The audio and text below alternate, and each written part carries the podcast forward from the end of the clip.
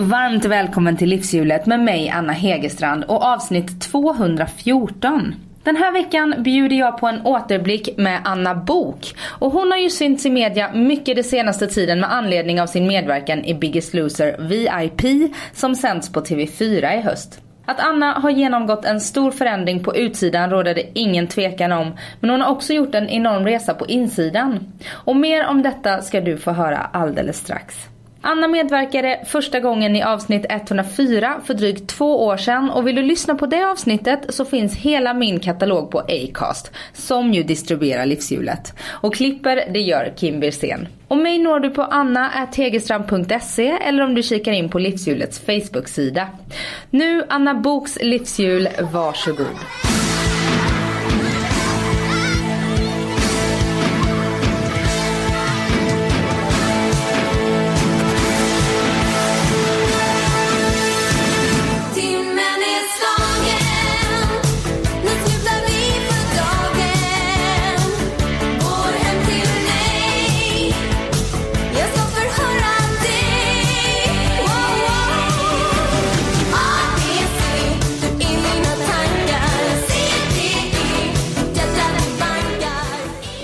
Då har vi pushat för eh, din förra podd som du var med i och nu så är det dags för nästa. Ja, Ja, och gång två i livshjulet. helt fantastiskt. Ja. Jag är jätteglad. Ja, välkommen Tack. tillbaka. Tack så jättemycket. Det har gått eh, två och ett halvt år sedan sist vi satt här. Ja, det är helt overkligt faktiskt. Mm. Det känns inte som det.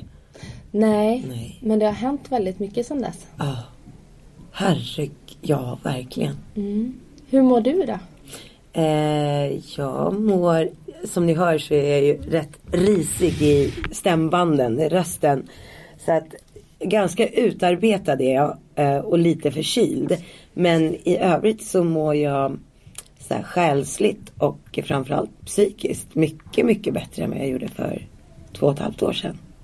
Då trodde jag ju att jag mådde rätt bra och var liksom ganska stabil och hade kommit långt i livet. Men eh, ja, jag är verkligen av en helt annan uppfattning idag. För eh, nej, jag mår mycket, mycket bättre.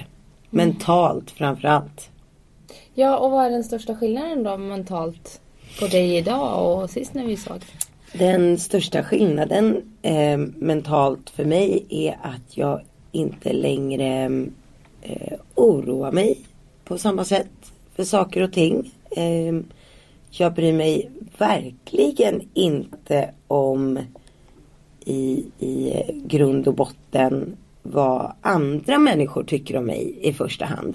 Jag älskar andra människors feedback vare sig den är av positiv karaktär eller lite mer negativ. För eh, negativt behöver ju inte alltid vara eh, just negativt. Det beror ju på hur man lägger fram kritiken. Den kan ju vara konstruktiv. Och eh, jag hade nog väldigt, väldigt svårt eh, för två och ett halvt år sedan och faktiskt ta till mig helt ärligt när folk kanske av välmening sa du kanske ska tänka på det här och det. Jag, jag blev väldigt, väldigt eh, lätt känslomässigt eh, upprörd. Eh, och det blir jag inte idag. Utan idag så har jag mycket lättare att se folk i ögonen och eh, känner ett annat lugn eh, än, än vad jag gjorde då. Så att eh, det är fantastiskt hur mycket man kan utvecklas och förändras. Och den här förändringen har egentligen skett ganska nyligen. Så att eh, det är ingenting som har tagit två och ett halvt år utan det, det gick jävligt fort när jag väl bestämde mig för att det gäller inte att bara vara ärlig mot andra människor. Mm. Eh, för det har jag alltid varit. Jag har alltid hävdat att jag är en väldigt ärlig person. Men eh, man måste vara ärlig mot sig själv också. Vad var det du ljög för dig själv om då? Nej, inte nödvändigtvis ljög för mig själv men jag eh, värderade saker och ting. Jag lindade gärna in sanningen i lite vita sanningar. Eh, jag, jag är inte en person som ljuger men man kanske lindar in saker och ting för att det gör alldeles för ont att säga som det är helt enkelt. Och ärligheten är någonting som jag alltid har värnat väldigt, väldigt mycket om. Men det är just det här att vara ärlig om sig själv, inför sig själv. Det är nog väldigt, väldigt svårt. Jag tror att om de flesta börjar sätta sig ner och ta några minuter och tänka på vad jag säger nu. Så är det faktiskt inte så jäkla lätt. Det är väldigt lätt att vara ärlig mot andra och vara objektiv mot andra och se saker och ting utifrån. Men att rannsaka sig själv, det är inte alltid lika lätt. Man tror att man är bra på det men jag var värdelös på det förstår jag idag. Så eh, jag har bestämt mig för att eh, ska man äta en apelsin så vill inte jag äta det här eh, beska vita lagret som är på mina apelsiner utan jag vill ha liksom den gula, orangea, härliga äh, apelsinen och äta det som är det godaste. The Och- juicy stuff. Ja, the juicy stuff och då är det bara peel, peel, peel. Det är bara skala av, skala av. Och vad var det som gjorde att du kom till den där punkten att du började skala bort det här beska då? Nej men det var ju när jag tackade ja till att vara med i Biggest Loser. Och det kan ju låta jättefånigt. Eh, åh, ska det vara så big deal? Och det kan väl inte vara så jävla mycket att banta i tv och få betalt för det och få allting serverat och Jidderi, jidderi ja. Men har man inte varit eh, med om det själv så är det väldigt lätt att sitta och säga så. Eh, jag känner ju folk som har varit med i Biggest Loser. Jag känner folk som jobbar med Biggest Loser och jag visste att det där är ingen promenad i parken. Och ska man göra en sån grej då måste man ha ett helt annat mindset. Alltså din mentala inställning måste förändras. Det är ingenting som vardagsmotion. Det är ingenting som att gå och träna tre dagar i veckan. Det är ingenting som att träna fem dagar i veckan. Det är träning sju dagar i veckan från morgon tills att du går och lägger dig. Och sen ska man den här lilla detaljen med att liksom göra ett tv-program. Och komma överens med sex andra egotrippade me, myself and I personer. eh, och, och jag är ju den största av dem alla så att det, det, liksom, jag har ju nog att leva med mig själv varje dag. Så att det, jag kan säga eh, det här med sömnen. Det var ju inte ens eh, på tionde plats. Det kom ju typ på femtonde plats eller något sånt där. Så att vara med i Biggest Loser var väldigt, väldigt tufft. Men ehm, och jag var jävligt rädd, ska jag tillägga. För vad då? Jag var rädd för att eh, misslyckas. Jag var rädd för att jag inte skulle kunna eh, få några resultat. Jag har ju kämpigt med min ämnesomsättning och, och um, förbränningen och sådär. Och eh, har, har ju haft eh, väldigt kraftiga hormonella eh, besvär och rubbningar och sådär. Och har fått diagnoser och hej och hå. Eh, och lyssnat väldigt mycket på, på läkare och, och sköterskor och eh, kvinnospecialister och hej och hå. Och så blir man liksom matad med att nej men det här får du leva med och det här går inte att göra någonting åt. Och då tror man ju på det. Att leva med, Med eh, polys- övervikt, eh, att leva med övervikten på grund utav den här hormonsjukdomen som jag då har. PCOS, polycystiska ovary-syndromet. Ehm, och att de, de som är experter har menat på att det enda som hjälper det är om du tar hormonsprutor eller käkar en massa mediciner. Och eh, jag började att äta en diabetesmedicin i väldigt, väldigt låg dos som skulle hjälpa ämnesomsättningen. Jag har aldrig haft diabetes. Men den här medicinen heter Metformin. Och den skulle då vara bra för PCOS. Men jag märkte ganska snabbt att den inte gjorde någon skillnad. Så efter en, en, fyra månader så slutade jag med den. Eh, och bestämde mig för att nej men jag måste försöka träna och äta rätt. Och jag vill inte äta mediciner. Och under ett par år så var jag ju väldigt framgångsrik med min viktresa. Jag gjorde en gastric bypass 2008. Eh, och fick en, en liten skjuts i ryggen där. Jag gick ner en 11-12 kilo. Och eh, sen stötte jag på patrull 2009. När jag då drabbades av två livshotande eh, tarmvred väldigt kort in på varandra. Och blev eh, väldigt sängliggandes och fick hårda restriktioner om att absolut inte åka på några fler sådana här bootcamps och träna för hårt. För min kropp klarar inte det efter de då 14 bukväggsbrocken och tre kejsarsnitten som jag då redan hade gått igenom. Mm. Så jag har ju idag alltså gått igenom 17 bukoperationer. Det, är- det är ganska många trauman att gå in och snitta i din mage så många gånger. Vad har du, har du några men från det? Ja, alltså jag har ju total känselbortfall i hela magen och min magmuskulatur har slitits isär. Så att jag har ingen eh, stabilitet mitt på magen utan musklerna sitter liksom lite vid sidan om. Så att när jag reser mig rakt upp så är det väldigt svårt för mig för att tarmpaketet liksom pressas ut emellan musklerna. Man kan ju gå in och sy ihop magmuskulaturen. Det, är Det har jag en jätte- kompis som har gjort. Ja, det är jättevanligt hos kvinnor, framförallt kvinnor som har fött barn. Men också kvinnor som tränar väldigt mycket. Att musklerna kan gå isär. Och det har de velat göra på mig redan nu. Men jag fattade faktiskt ett beslut i och med att jag har en konstgjord bukvägg. Jag har ju haft då alltså 14 bukväggsbrock. Så till slut var min liksom bukvägg så söndertrasad så det gick liksom inte att laga den och mer. Då fick man lägga in ett nät som alltså blir en ny bukvägg. Det har ju lett till att jag är väldigt hård i magen. Den är väldigt, väldigt stum.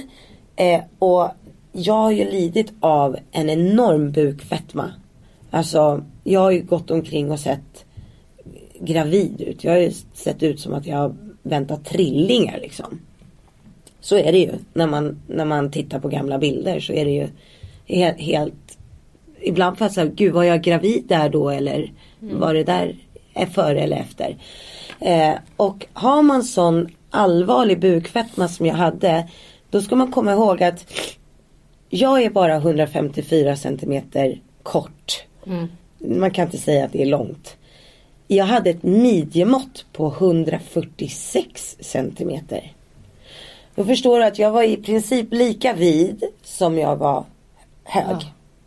Eh, och jag har ju ett jättefint eh, nickname eh, bland eh, nättrollen. De kallar ju mig för Tunnan. Vad trevligt. Ja, det är fint. Vad kul att gå in och läsa det. Eh, jag brukar ju inte gå in och läsa saker om mig själv. Men det finns ju alltid snälla fåglar som kvittrar. Och jag älskar fåglar som kvittrar. Men sånt där är ju- Det är sånt kvitter som man helst inte vill höra. Och eh, man har fått mycket anonyma brev. Jag fick faktiskt ett anonymt brev där jag blev kallad för tunnan så sent som bara två veckor innan jag åkte till Biggest Loser.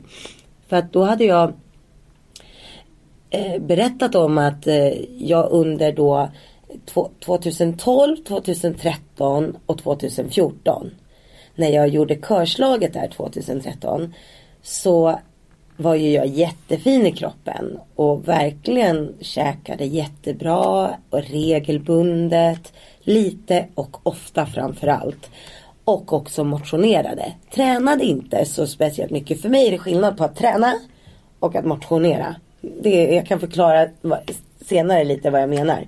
Men eh, under de här tre och ett halvt åren så lyckades jag faktiskt gå ner 60, nästan 62 kilo.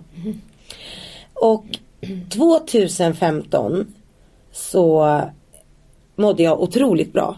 Och det var ju då när jag var här. Vi sågs i april 2015. Exakt. Och eh, kände mig liksom jättevacker, kvinnlig, eh, stark, eh, var på rätt väg. Det hade ju hänt mycket. Jag, hade haft många privata uppbrott och, och yrkesrelationer som avslutades och jag blev blåst på pengar och jag menar det hände ju massor med grejer, tråkiga saker. Och, Och jag kan ju säga till lyssnarna att gå in och lyssna på det avsnittet. Vi klipper ju in lite gamla Ja. eh, sekvenser från det. Men gå in och lyssna på avsnittet för där får man verkligen en helhetsbild över ditt liv. ja, verkligen. Jag blev nästan så här när jag själv lyssnade på det att oj, här fick vi med mycket. Ja, och helt matt liksom. Mm, helt sjukt, jag vet. Och då eh, fick jag just sedermera då eh, samma år där veta att jag skulle vara med i Melodifestivalen och få fira mitt 30-årsjubileum eh, med ABC. Sedan mitt genombrott med ABC då. I Melodifestivalen 2016. Och jag laddade för det naturligtvis hela liksom augusti, september, oktober, november, december, januari. Och sen i februari så bara kör man. Och så åker jag på den här käftsmällen att mitt bidrag blir diskvalificerat. Um, och än en gång så bara försvann folk ur mitt liv.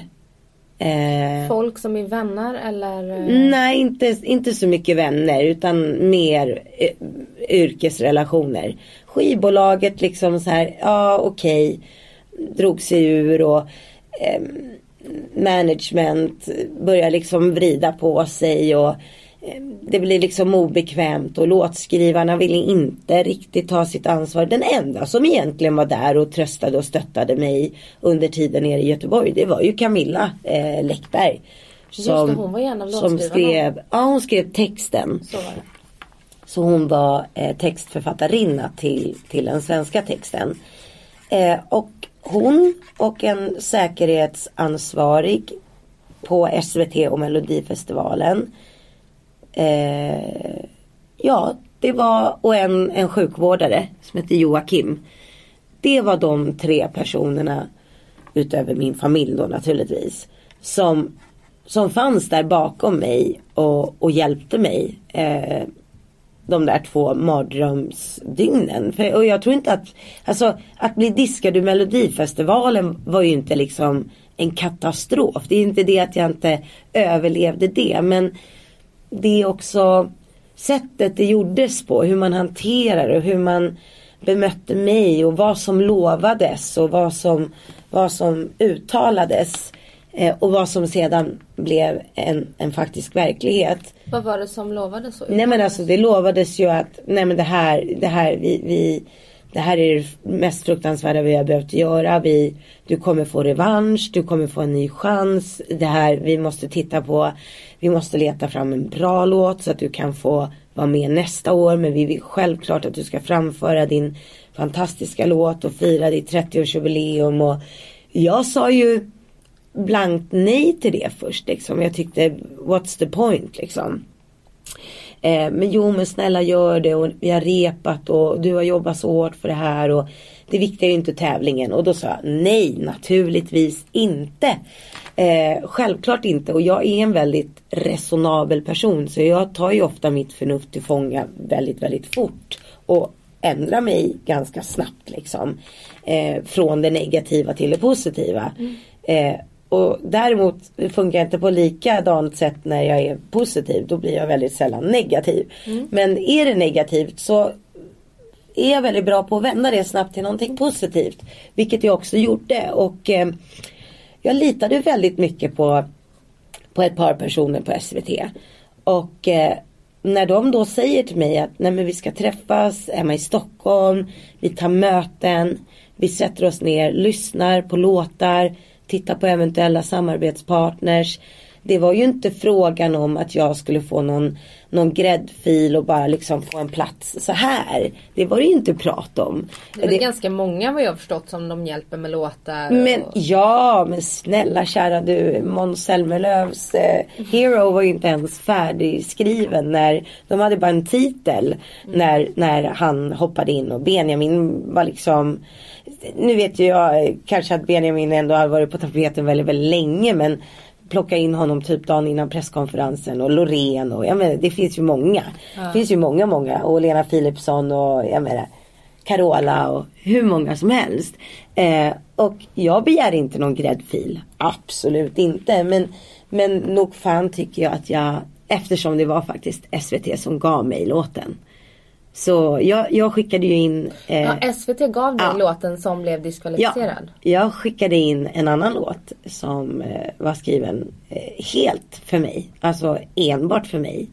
Eh, och eh, jag vill inte säga vad den heter eller något sånt där för att vi kanske, vi kanske tar den igen men med en annan titel. Ja, det är min Eh, fråga nu. mm. Efter det här som hände. ehm, är du sugen på att ställa upp igen? Absolut, jag skulle tycka det var jättekul men jag är inte desperat på det. Nej. Det är många som, eh, kanske inte, inte många, men några. Så här, varför är du så desperat på mello? Och eh, jag är inte desperat på någonting annat än, än att leva mitt liv och leva mitt liv så som jag vill leva det. Eh, och göra det som jag tycker är roligt och inspirerande. Och eh, där jag tror att jag har någonting att ge. Men du sa det att, att eh, tju- eh, efter 2016 där, Ja. eh, förra året, så, så var det människor som svek dig igen. Ja. Eh, är det no hard feelings nu med SVT eller Nej men vad alltså, står ni idag? ja, eh, för mig är det inga hard feelings. Absolut inte. Även om det finns en, eh, eller kanske fanns mer tidigare under hösten och vintern 2016. När, när jag märkte att det var ingen som tog av de här ansvariga som tog kontakt med mig och inte ens liksom inledde en, en diskussion eller ett samtal. Då var jag ju naturligtvis jättebesviken och det står jag för till 100%. Men nej, jag har inga, inga dåliga mejlkonversationer eller sms eller samtal. Och, Eh, och jag är inte en långsint person. Utan jag är en sån här som tror på att älska och förlåta och gå vidare. Eh, glömma är ju väldigt svårt. Men man får ju ha fokus på att så här, lägga saker bakom sig. Det är ungefär som när du kör bil. Då har du ju fokus framåt, kollar i backspegeln lite då och då, sidospeglarna och så vrider du över döda vinkeln och kollar över axeln. För om någon bil ligger där. Så att det är liksom, jag har fullt fokus framåt och jag har inga hang-ups på någon. Jag anser inte att jag är osams med någon. Det finns, eh, finns lite divor här i världen. Jag är också en diva. Men jag är en ödmjuk diva. Och jag är en sån eh, diva som klarar av att även om du och jag har stångats huvud med varandra. Så klarar jag av att träffa dig i en tv-studio eller på en fotografering eller på en galapremiär. Eller en eh, pris, eh, award, whatever. Och kan ändå samtala, uppföra mig fint och värdigt och vänligt. Oavsett om jag skulle tycka att du var den största jävla idioten som går i ett par skor. Och jag vet att du skulle känna detsamma om mig. För att man måste kunna vara vuxen. Så nej, det finns inga, inga, inget ont blod från min sida. Och om det är någon som har blivit förnärmad av att jag har varit ärlig av att jag har uttryckt en, en viss typ av besvikelse.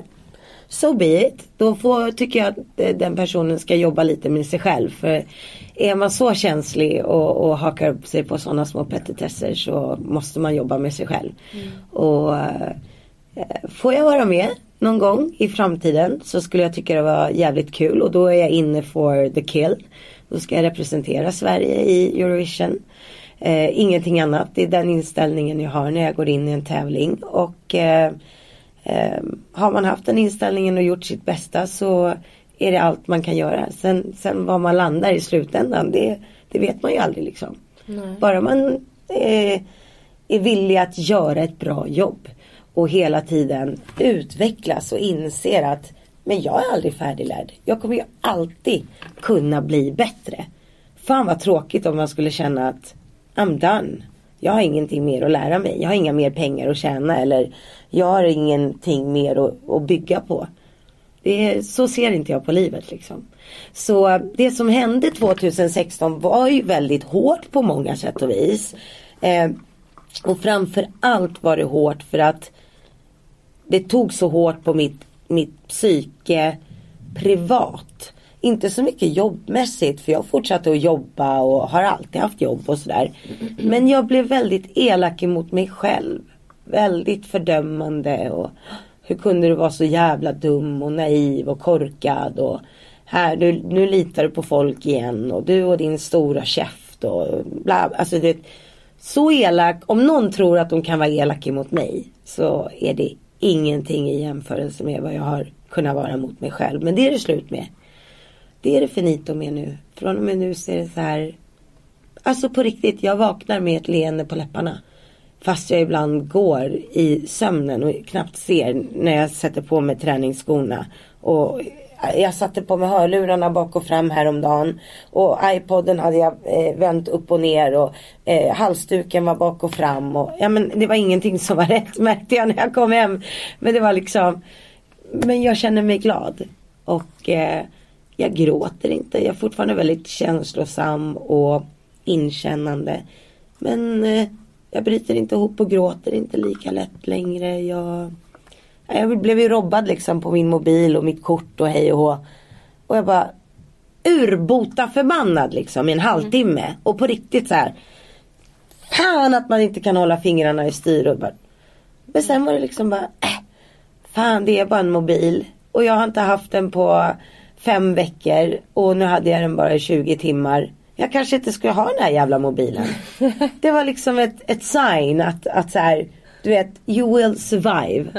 And I did. Men nu har jag en ny iPhone 7 Ja. Rosé. Med min, oh, mm, I Den är love väldigt it. Anna Bokig. Ja visst är den. Och vi kan ju Beskriv. beskriva för lyssnarna att Anna Ja. Bokig är ju lite så här em, rosa Marmor. marmor Ja, och lite guld. Och, Guld.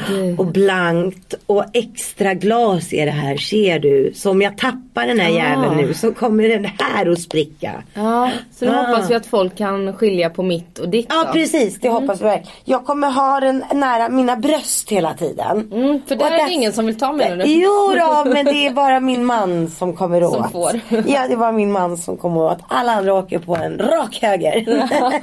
Nej, inte Jonas Hallberg för han får alltid ta mig på brösten. Ja, det är så. Och eh, Ricky Martin när han kommer till Sverige. Så, bara så att ni vet allihopa. Ja, Det- jag tror i och för sig det är större chans att Jonas Hallberg och Ricky Ja, Martin fast- tar på varandra. Fast eh, Ricky Martin har ju kysst mig vet du och han har faktiskt touchat mitt ena bröst. Varför kysste Ricky Martin dig? Ja, vi, va, varför inte? För att jag är så jävla vacker såklart. Såklart. Nej men jag var bara av en händelse på Åhléns, det här är jättekul och bara ser massor med vackra flickor i alla åldrar. Och jag bara Oh my god, var kommer alla de här vackra flickorna och kvinnorna ifrån?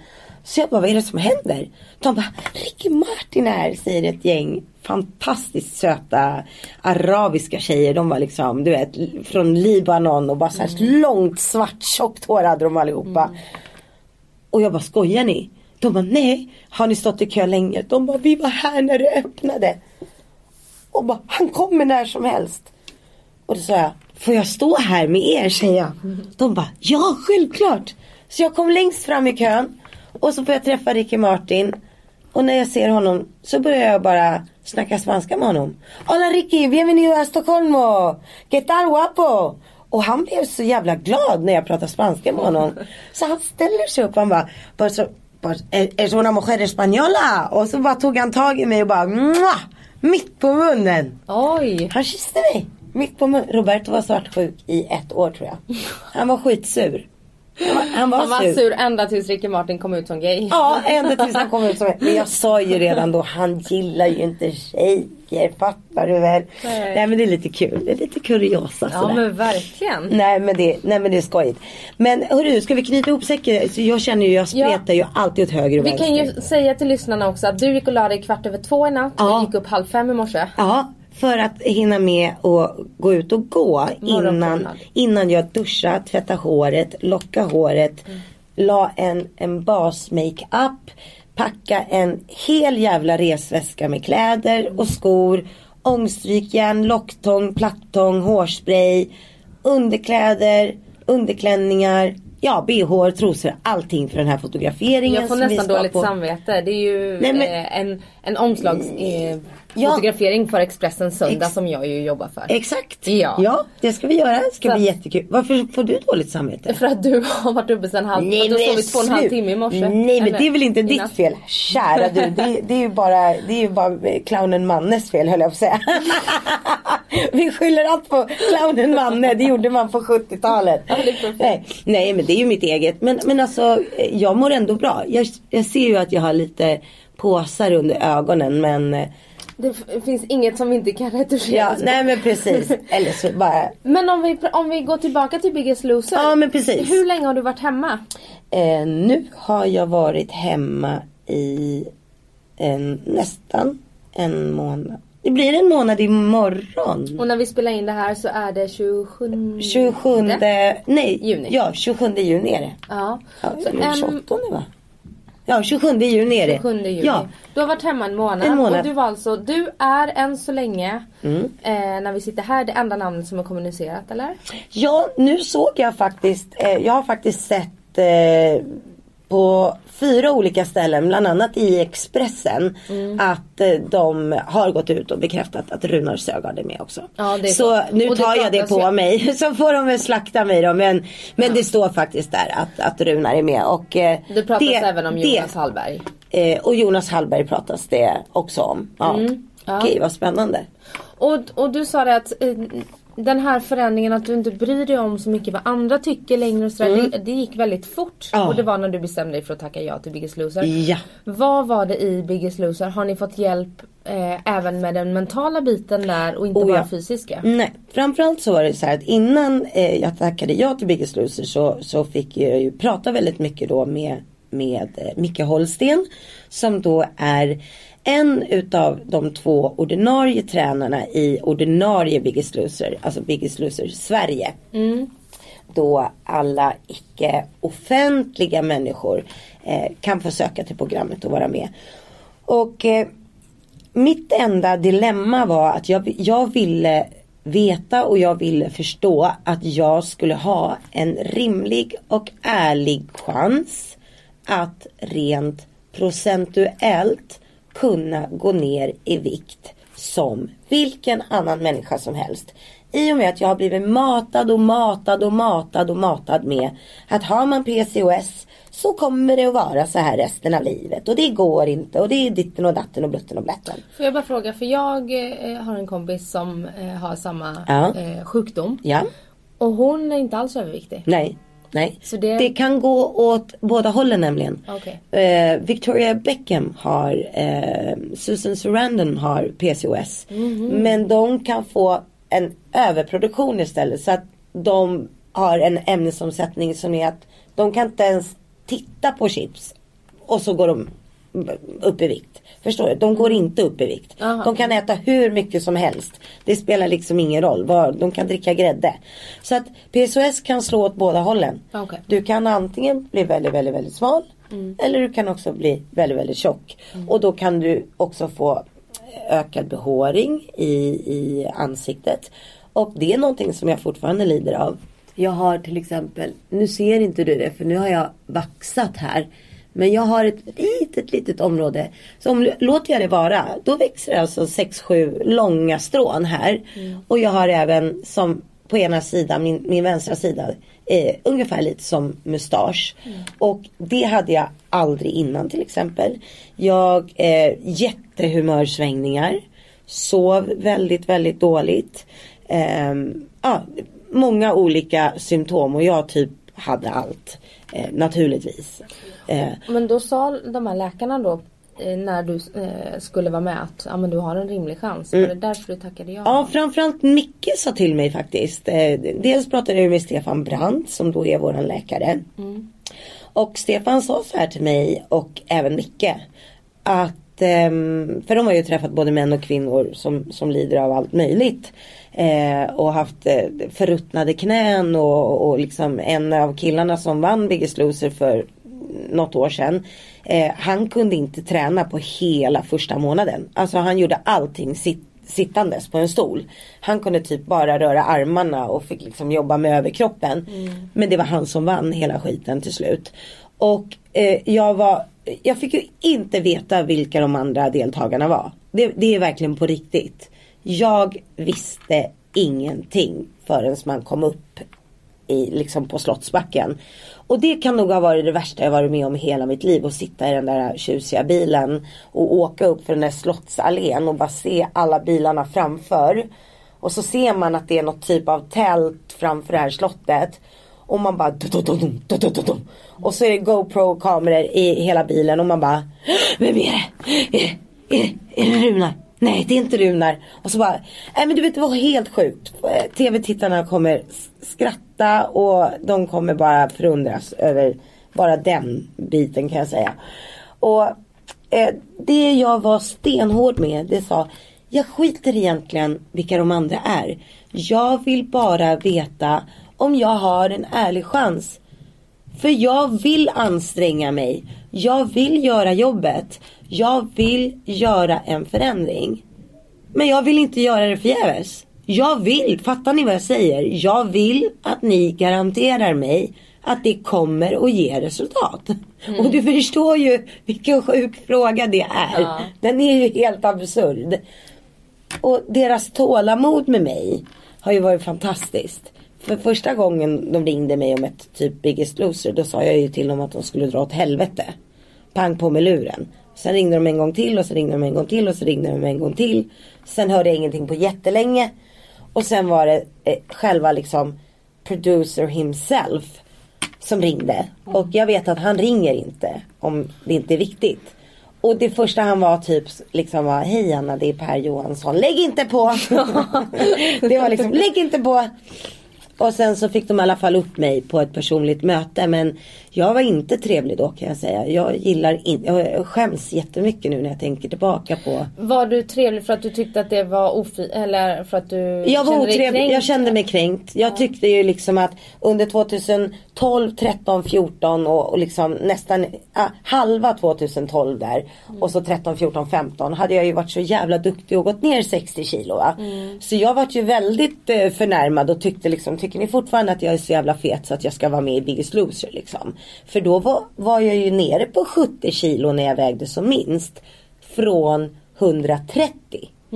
Så det är klart att mm, tittar man på många av mina Instagram-bilder så ser ju jag helt fantastisk ut. Alltså jag är jättesöt. Jag är superstolt och jättenöjd med mig själv där jag var.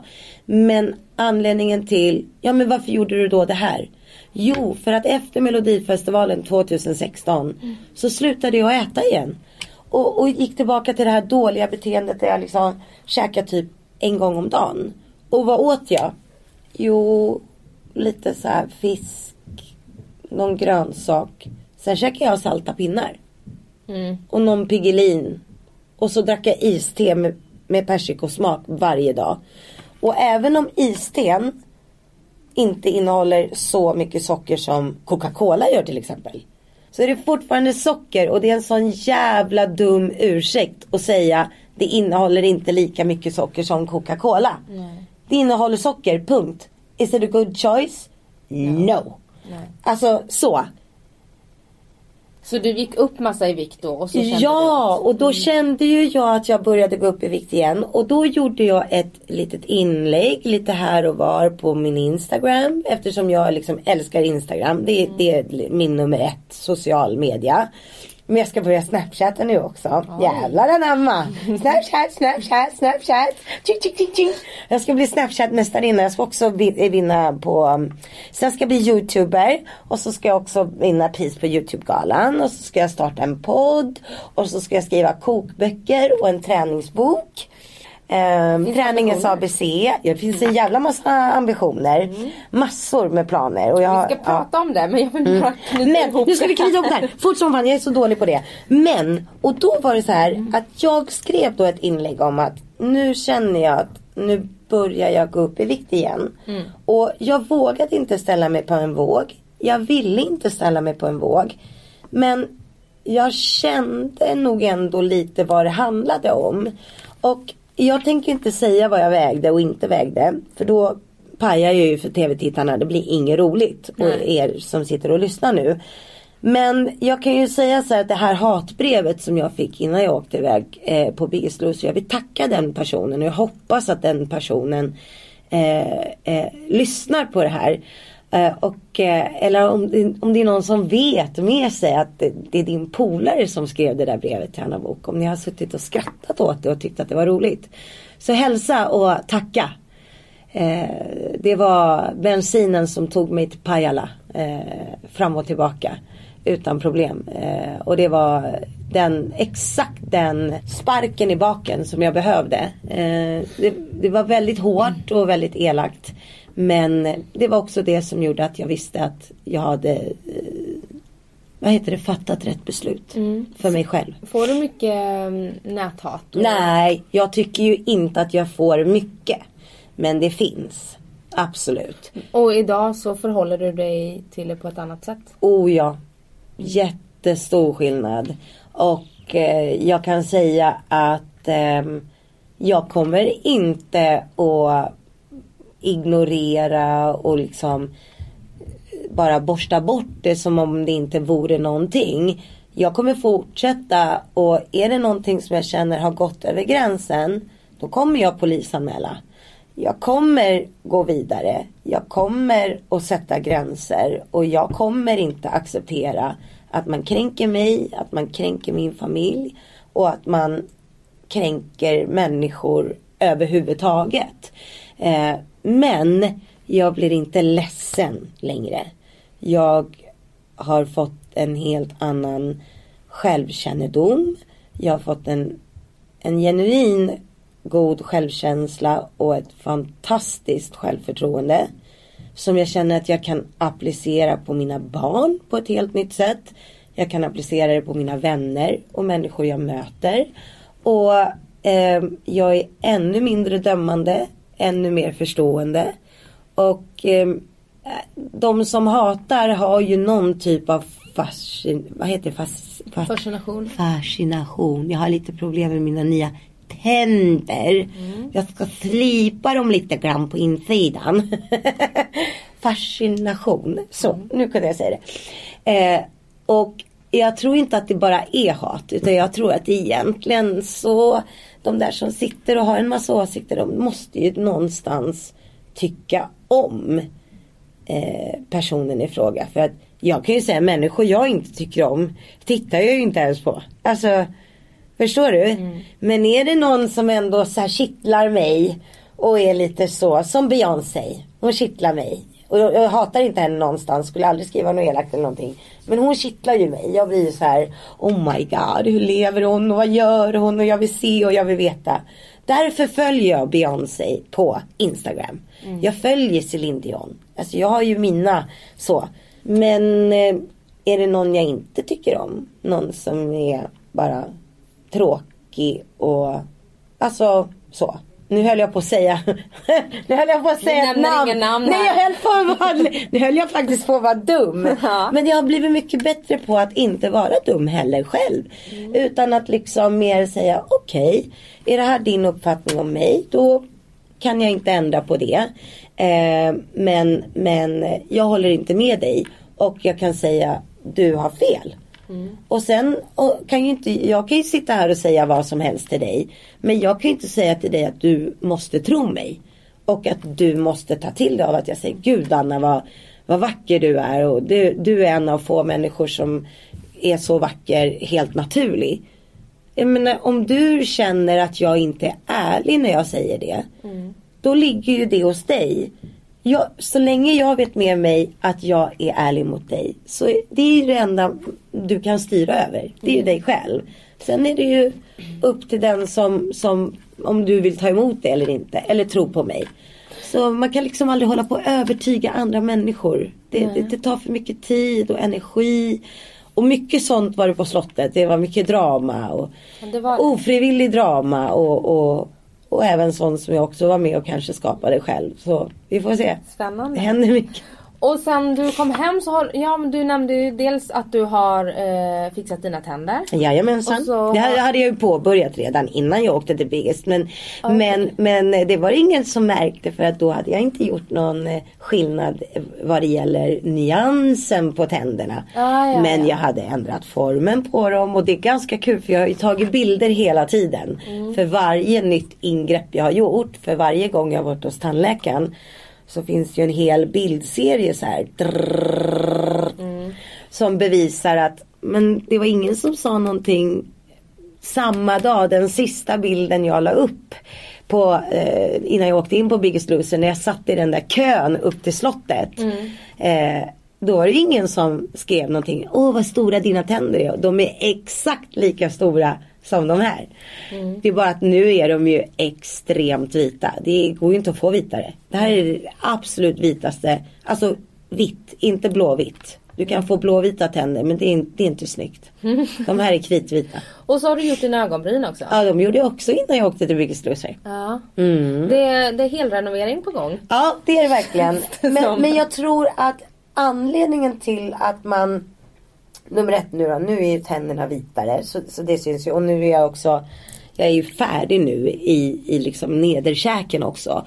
Det som ska göras är att tänderna ska tunnas ut lite grann på, på baksidan.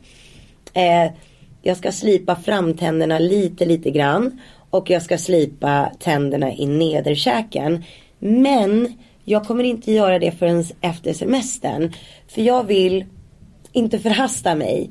Eh, det är en kostsam process och den tar tid och det gör ont. det eh, det är liksom eh, i- ingenting du gör på en, på en kvart. Eh, och jag har rekord.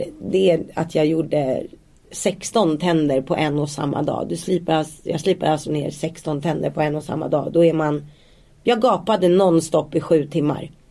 Och eh, det är en tuff procedur. Så att, och den har ändå gått ganska snabbt för mig nu i och med att jag har velat bli färdig nu till sommaren. Men det är någonting som jag har planerat i fem år. Så det är inget lättvindigt beslut. Hur kommer det sig att det blev just nu då?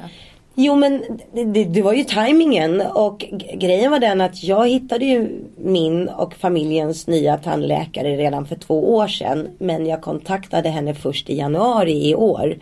Och då sa jag till henne, kan vi påbörja den här processen nu, omgående? Och då hade jag sån tur att, att det gick bra.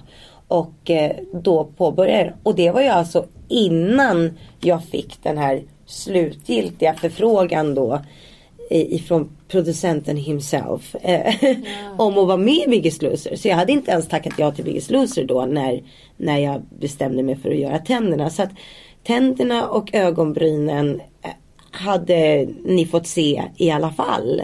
Eh, och som sagt var jag var ju med på Let's Dance fredagen innan jag åkte. Det var ju bara fyra dagar innan jag åkte till Biggest Loser. Och då hade jag gjort mina ögonbryn. Ellen Bergström flög på mig direkt och bara Gud vad har du gjort dina bryn och, och sådär. Så att det finns ju folk som vet, vet om att jag, att jag gjorde det. Men jag tror att anledningen till att man märker det nu det är ju för att jag har gått ner i vikt.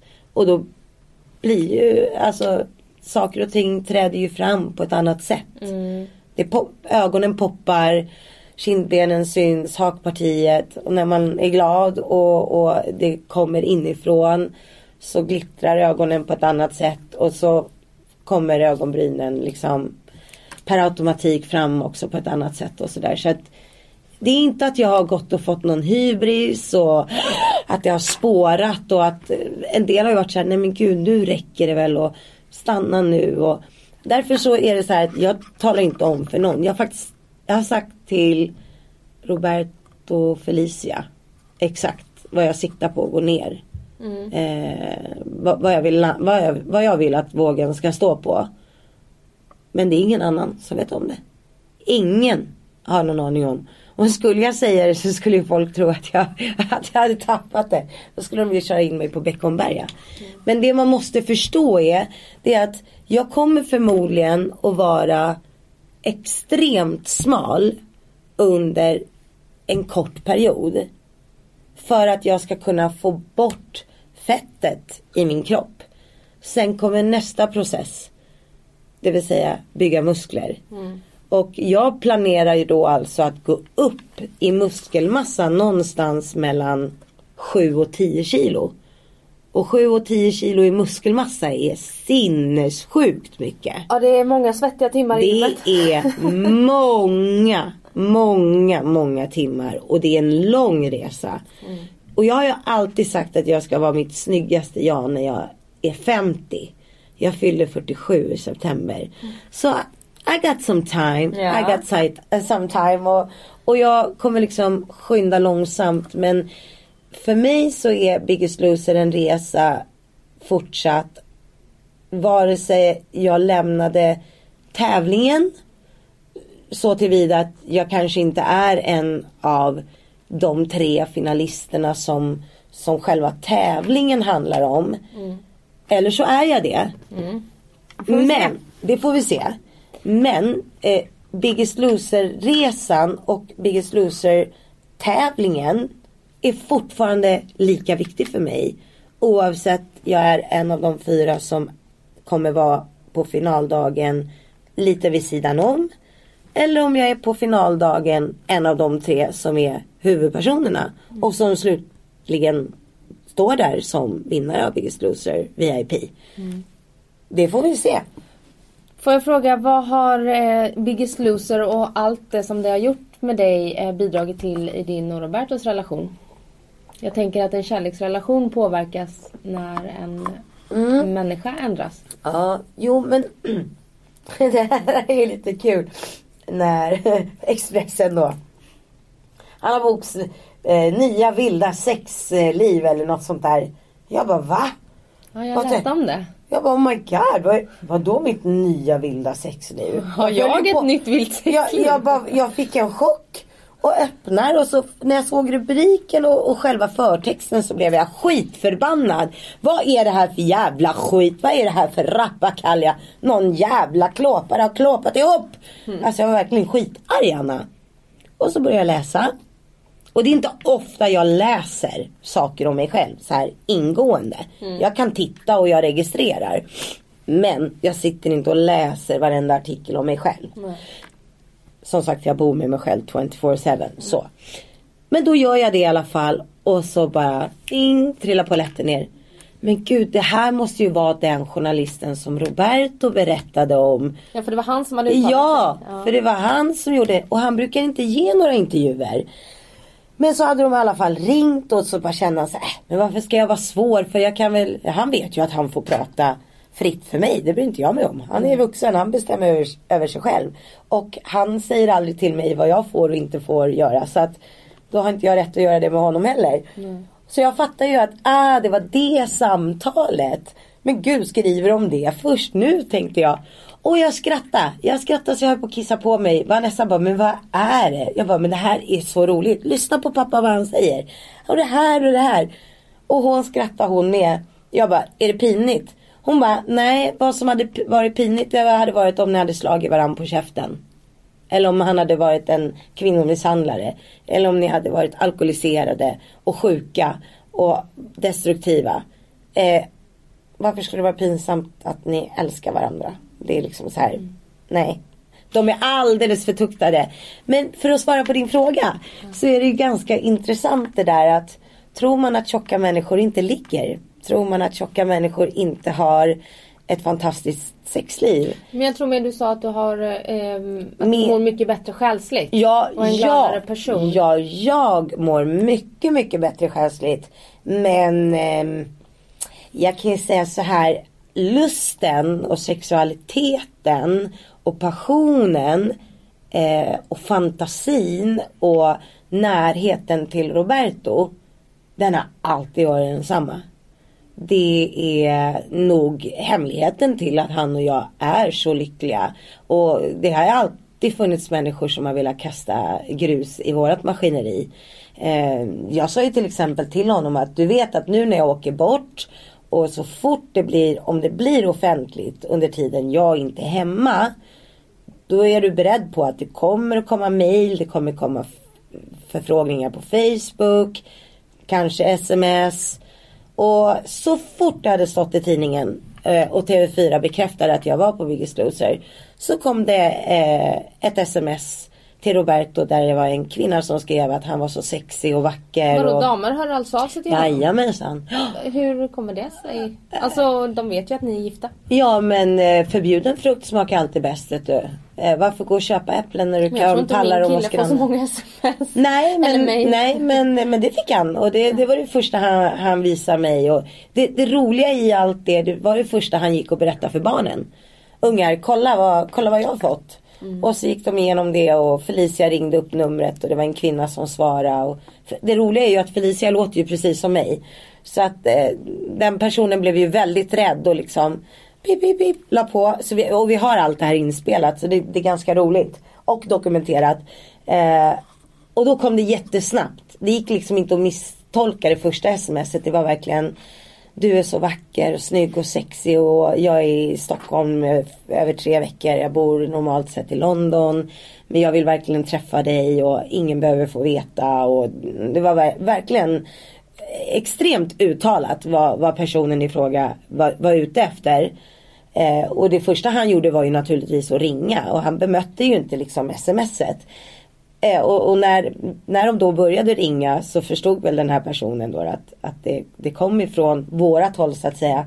Eh, fast jag var på slottet och var lyckligt eh, ovetande. Eh, och eh, då kom det direkt ett sms. Oj, eh, min kille är också i Stockholm nu och vi har förstått att du är väldigt duktig på ditt jobb och inom säkerhet och vi behöver värdar och vi behöver det och det. Och då var tonen en helt annan och ber om ursäkt om mitt sms blev lite märkligt. Och, och, det, och det kommer förfrågningar på Facebook och det är liksom så här, ingen behöver veta och, och ja hon skulle bara veta han har haft en affär med den och den och den och det, vi, bara, vi alltså, bara skrattar. Bara skrattar. För att det, det, jag har en sån trygghet med Roberto. Så eh, jag förstår att folk blir lite svartis. Jag, jag fattar det. Det var folk som var svartsjuka på slottet också så att eh, det, det är klart att det svider lite i människor när man, när man så här, du vet bara dör för sin man varenda jävla dag. Alltså du vet Åh, ta tag i den där jävla nacken och bara åh! Du vet det är så jävla häftigt och bara jag vet inte, ser du att det knottrar sig liksom på benen? Nej men det är så här. Nej men han är magisk. Och jag brukar alltid säga att jag önskar att alla tjejer fick träffa en kille som han. Det är synd att han inte har några syskon. Jag hade gärna delat med mig av hans brorsor. Och jag gjorde en utmaning i Biggest Loser. Jag kan inte gå in på några detaljer. Men jag gjorde faktiskt en utmaning i Biggest Loser som... På, det här, nu kommer du tro att jag ljuger Anna. Men, och alla kommer vara så nyfikna. Så nu ska ni titta på Biggest Loser till hösten. För det här kommer ni inte vilja missa. Det är en cliffhanger. Jag trodde på riktigt att jag skulle behöva skaffa en, en älskarinna åt Roberto resten av livet. För jag tänkte det är kört för mig. Det blir ingen mer ligga. Varför? Nej, för att jag gjorde en utmaning som Oj. ja, var påfrestande om man... Vilka, du, Jag tappade till och med rösten. Ja, det var påfrestande kan jag säga. mm, har du återhämtat dig? Jag har återhämtat mig med bravur kan jag meddela. Och någon eh, älskarinna är inte längre aktuellt. Och jag de- klarar jobbet själv. Vad bra, grattis! Yay! och då undrar jag, för ni har varit ihop i 20 år. ja, nästan. Ja. 19 och ett halvt. Ja, 19 och ett halvt. Gift. Vad är, vad är det som... Varför tror du det känns så här fortfarande? För att Eh, jag när man har fått ett par barn ihop och Exakt. Mm. vardagen kommer in och sådär. Att de här spirande känslorna. Nej men det, jag, jag kan nog svara på det ganska enkelt. Det, nummer ett så finns det ju en, en fantastisk kärlek och passion. Vi är väldigt passionerade båda två. Vi är väldigt kärleksfulla. Älskar. Vi är väldigt fysiska båda två. Vi, vi tar ju på varandra hela tiden. Och det kan vara att när han kör bil så håller jag bara min hand i hans nacke. Eller lägger min hand på hans hand när han har den på växelspaken. Eller min hand på hans lår. Vi tar på varandra hela tiden. Han lägger alltid sin hand på mitt knä. Han håller mig alltid i handen när vi är ute och går. Det, han lägger alltid armen om min midja. Han är väldigt så. Och pussar och pussar och pussar och pussar. Så man bara Åh! Kan jag bara få diska nu? Ja men jag vill bara pussa. pussa. Ja, men, mm. Så. Men sen är det respekt Anna. Det är respekt. Det är kommunikation. Och det är en förståelse att vi äger inte varann. Han är min man och jag är hans kvinna.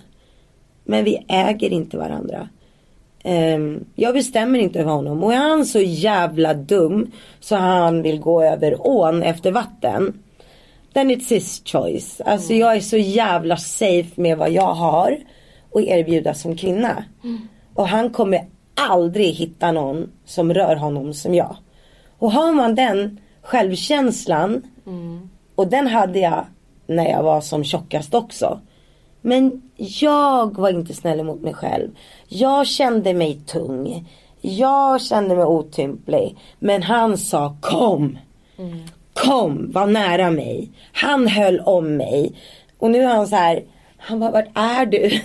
Det är så här, du vet armarna liksom. Han kan nästan krama om sig själv. Och han älskar mig oavsett. För att han ser att jag är glad, att jag mår bra. Att jag inte längre säger nej till livet. När han säger, ska vi åka och, och köra klädsim? Nej, jag vill inte köra klädsim för jag kommer drunkna då. Jag kan inte simma med en joggingdräkt eller med jeans och en tröja. För då sjunker jag. Nu är jag liksom så här, ja det gör vi. Och så tar jag på mig två mysdräkter. Förstår du?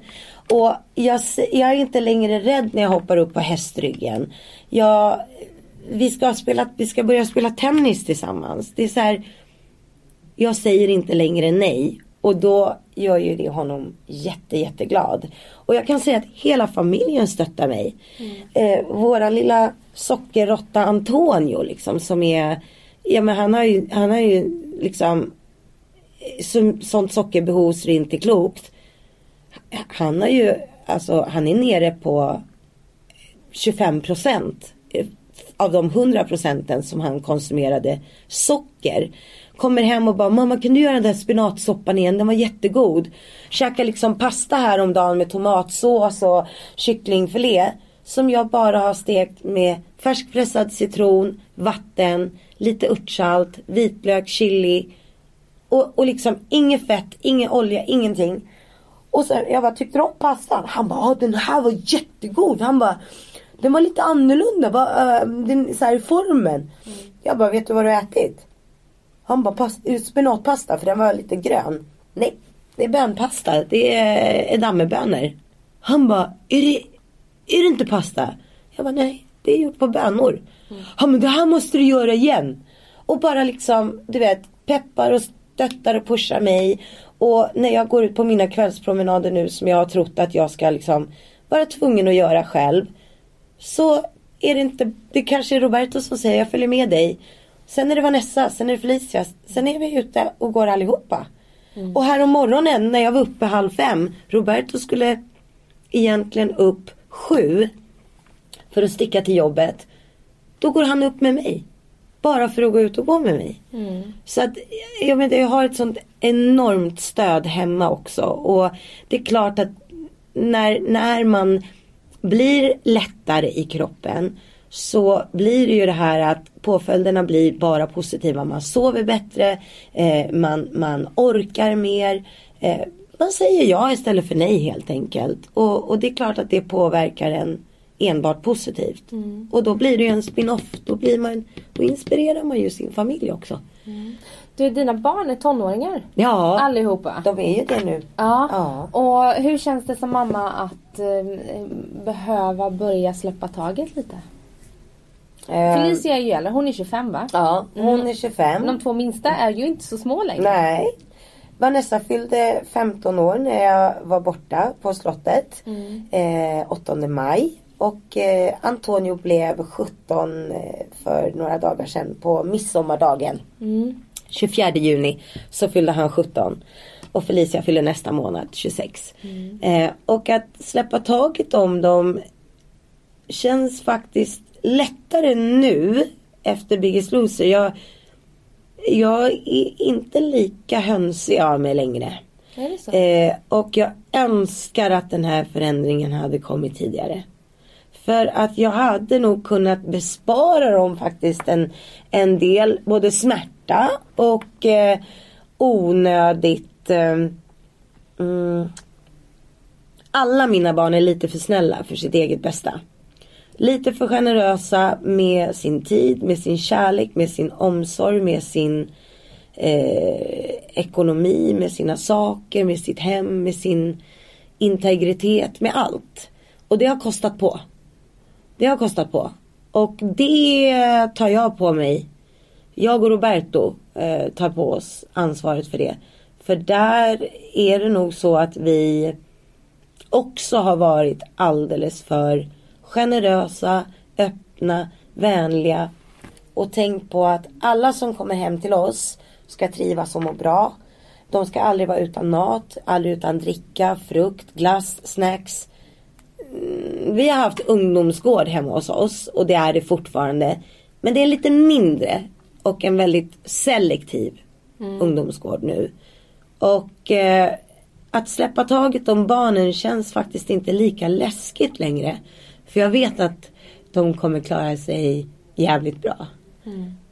Eh, men de är fortfarande det enda som fortfarande får mig att eh, brista ut i, i, i gråt. För att ehm, barnen är nummer ett. Så är det.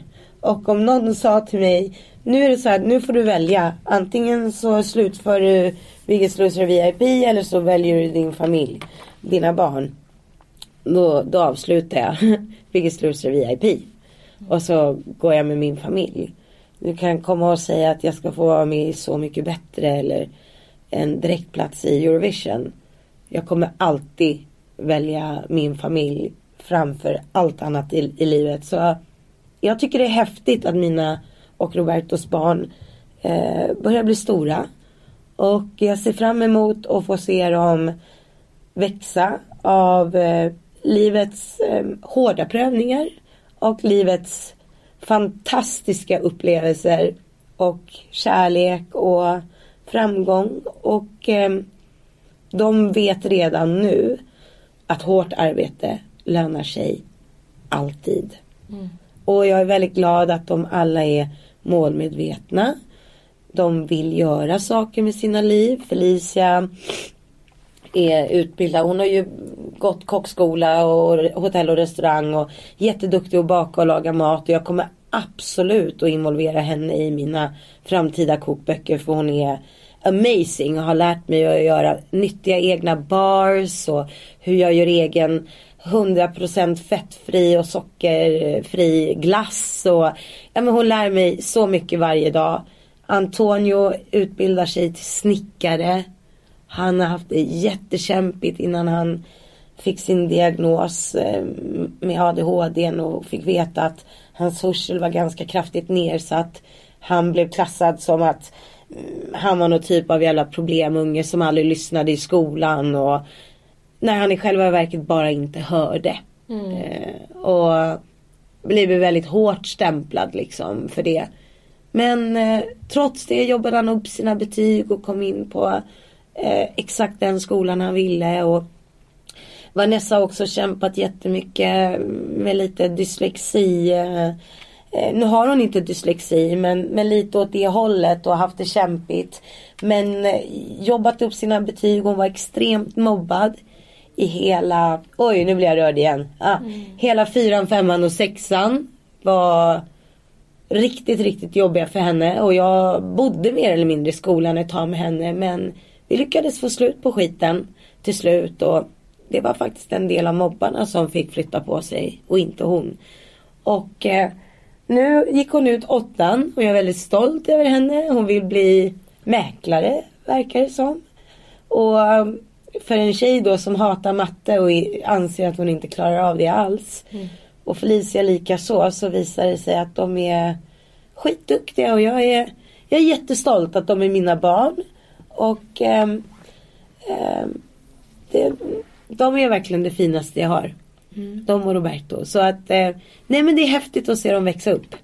Och, och jag ser fram emot att få bara leva, leva resten av livet med dem och bli mormor och farmor. Jag ska vara, jag ska vara så här snygg mormor och farmor så alla bara Åh har du fått barn?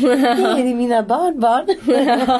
Nej men jag är väldigt glad och positiv inför framtiden. Ja, och nu så har ni en månad. Ni åker i natt Ja det i gör vi. Spanien. Åh, Gud. där ni har lägenhet. Ja precis. Ja. Vi har en, en eh, lika stor bostad i, i Spanien som vi har här hemma i Sverige. Ja, för ni bor i lägenhet i Solna. Exakt. Fortfarande. Mm, precis. Och sist vi pratade så sa du att det var inte riktigt ditt drömboende. Du skulle vilja Nej. bo lite mindre Ja. och den skulle vara mer, det skulle vara mer fluff och kuddar Mm. och... Bostad och bostadssituationen, vad får det för betyg? Ja, jag tycker att det får en eh, femma. Okej. Jag är väldigt liksom trygg och nöjd och stabil och vi har våran bostadsrätt och den ligger ju helt fantastiskt vid Hagaparken. Vi bor grannar med kronprinsessan. Solna. Victoria och Victoria. Victoria. Victoria. jag var lite swingles där. Eh, det- jag har umgås så mycket med David nu så det blir lite svengelska. Skyller jag på honom, stackarn. Eh, och, och, och prins Daniels, förstår du, jag brukar se dem när jag är ute och powerwalkar. Nej jag skojar bara, jo det gör jag faktiskt ibland. Men eh, jag tycker det är väldigt bra men det är absolut inte mitt eh, drömboende.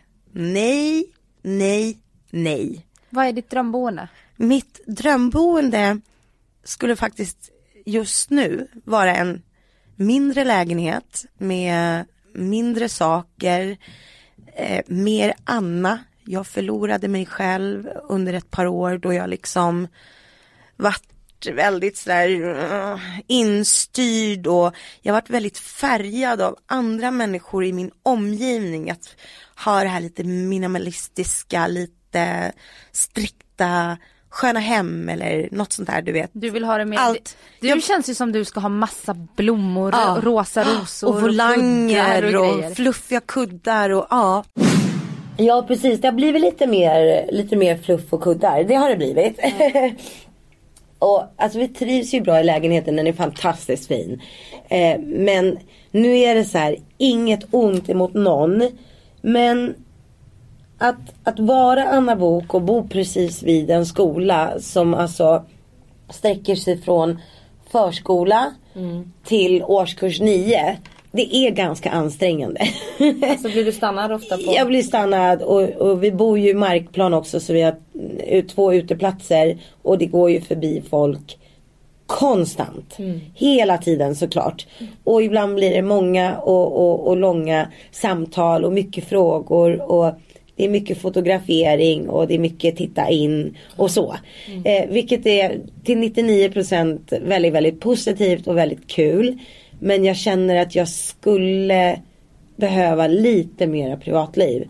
Så annars är läget helt fantastiskt och vi kunde inte ha det bättre egentligen än vad vi har det. Just att ha en bostadsrätt är ju en enorm frihet för vi har en stor härlig innergård och uteplatserna och man behöver inte oroa sig för så mycket mer än att betala sina räkningar. Eh, och det är av den anledningen som vi också valde att eh, ha en bostadsrätt även i Spanien och inte köpa hus där. För att då blir det ju genast mycket mer. Nu kan vi bara komma, öppna upp, damma, dammsuga och sen är det klart. Så bara dyka ner i poolen och gå ner till havet. Var i Spanien är det? I Malaga på solkusten Ja. I, i eh, Torremolinos, Benalmadena. Så det är fantastiskt. Det är precis lagom. Vi har allt det vi behöver. Där är det inte lika mycket lullull och prylar på väggarna och, och saker som tar tid att damma. Utan det är väldigt så här spartanskt och rent med marmorgolv överallt och vackra körsbärsdörrar och ja men du vet. Det är så fint och det är så overkligt att vi äntligen, äntligen får tid. Vi skulle ju firat påsken i, i Spanien men då kom ju lite Biggest Loser planer och allt sånt där emellan och, och då fick vi boka av det. Så det ska bli så skönt att åka till solen och värmen. Jävligt jobbigt dock bara med det här med jag älskar ju att ta bilder. Och så får jag liksom bara visa huvudet. Mm, du får ta bilder på andra. Jag får ta kort på massa blommor och poolen och havet och alla fantastiska maträtter som jag ska laga i Spanien. Alla mina fruktsmoothies. Ja, vad. Men nog fan ska jag dricka en mojito också. Ja det ska jag banne mig göra. En stor stark jävla mojito. Det ska jag ta. Ja. En. Ja det ska jag göra. Ta mig fan. En i veckan till och med kanske. Nej, så långt skulle jag inte vilja ta det. Jag, I, I get high on, on loving my husband and uh, living my life och bara jag ser fram emot att anta de här mördarbackarna vi. Vi har ju mördarbackar överallt där vi bor. Eh, och jag brukar ta mig ner till playan på 17-20 minuter. Nu är den nya målsättningen är ju att ta mig ner till stranden på 10 minuter. Och upp på 12 eller 15 max. Hem brukar det ta alltså en halvtimme. En halvtimme, 35 minuter. Eh, och så ska jag köpa en cykel hoppas jag. I Spanien. Och så ska jag simma varje morgon i poolen. Varje kväll i poolen. Så ska jag simma i havet. Jag ska plocka snäckor. Och jag brukar bara gå längs med ena stranden där vi ligger. Den heter Playa Antonio. Ja. Men nu ska jag väva in playan som ligger till höger mot Fangerola. Den heter Playa Santa Ana. Ja. Så nu ska jag ta Playa Santa Ana, Playa Antonio och sen ska jag fortsätta bort till Playa Caruela. Som Det är inte så att hela bort. familjen har varsin strand. Nej men nej, faktiskt inte. Vi har, inte hittat, vi har inte hittat någon Roberto, Vanessa och Felicia. Men Antonio och Anna finns. Ja. Eh, och, och nu ska jag liksom beta av dem allihopa och bara, bara träna och bli brun så inåt helvete.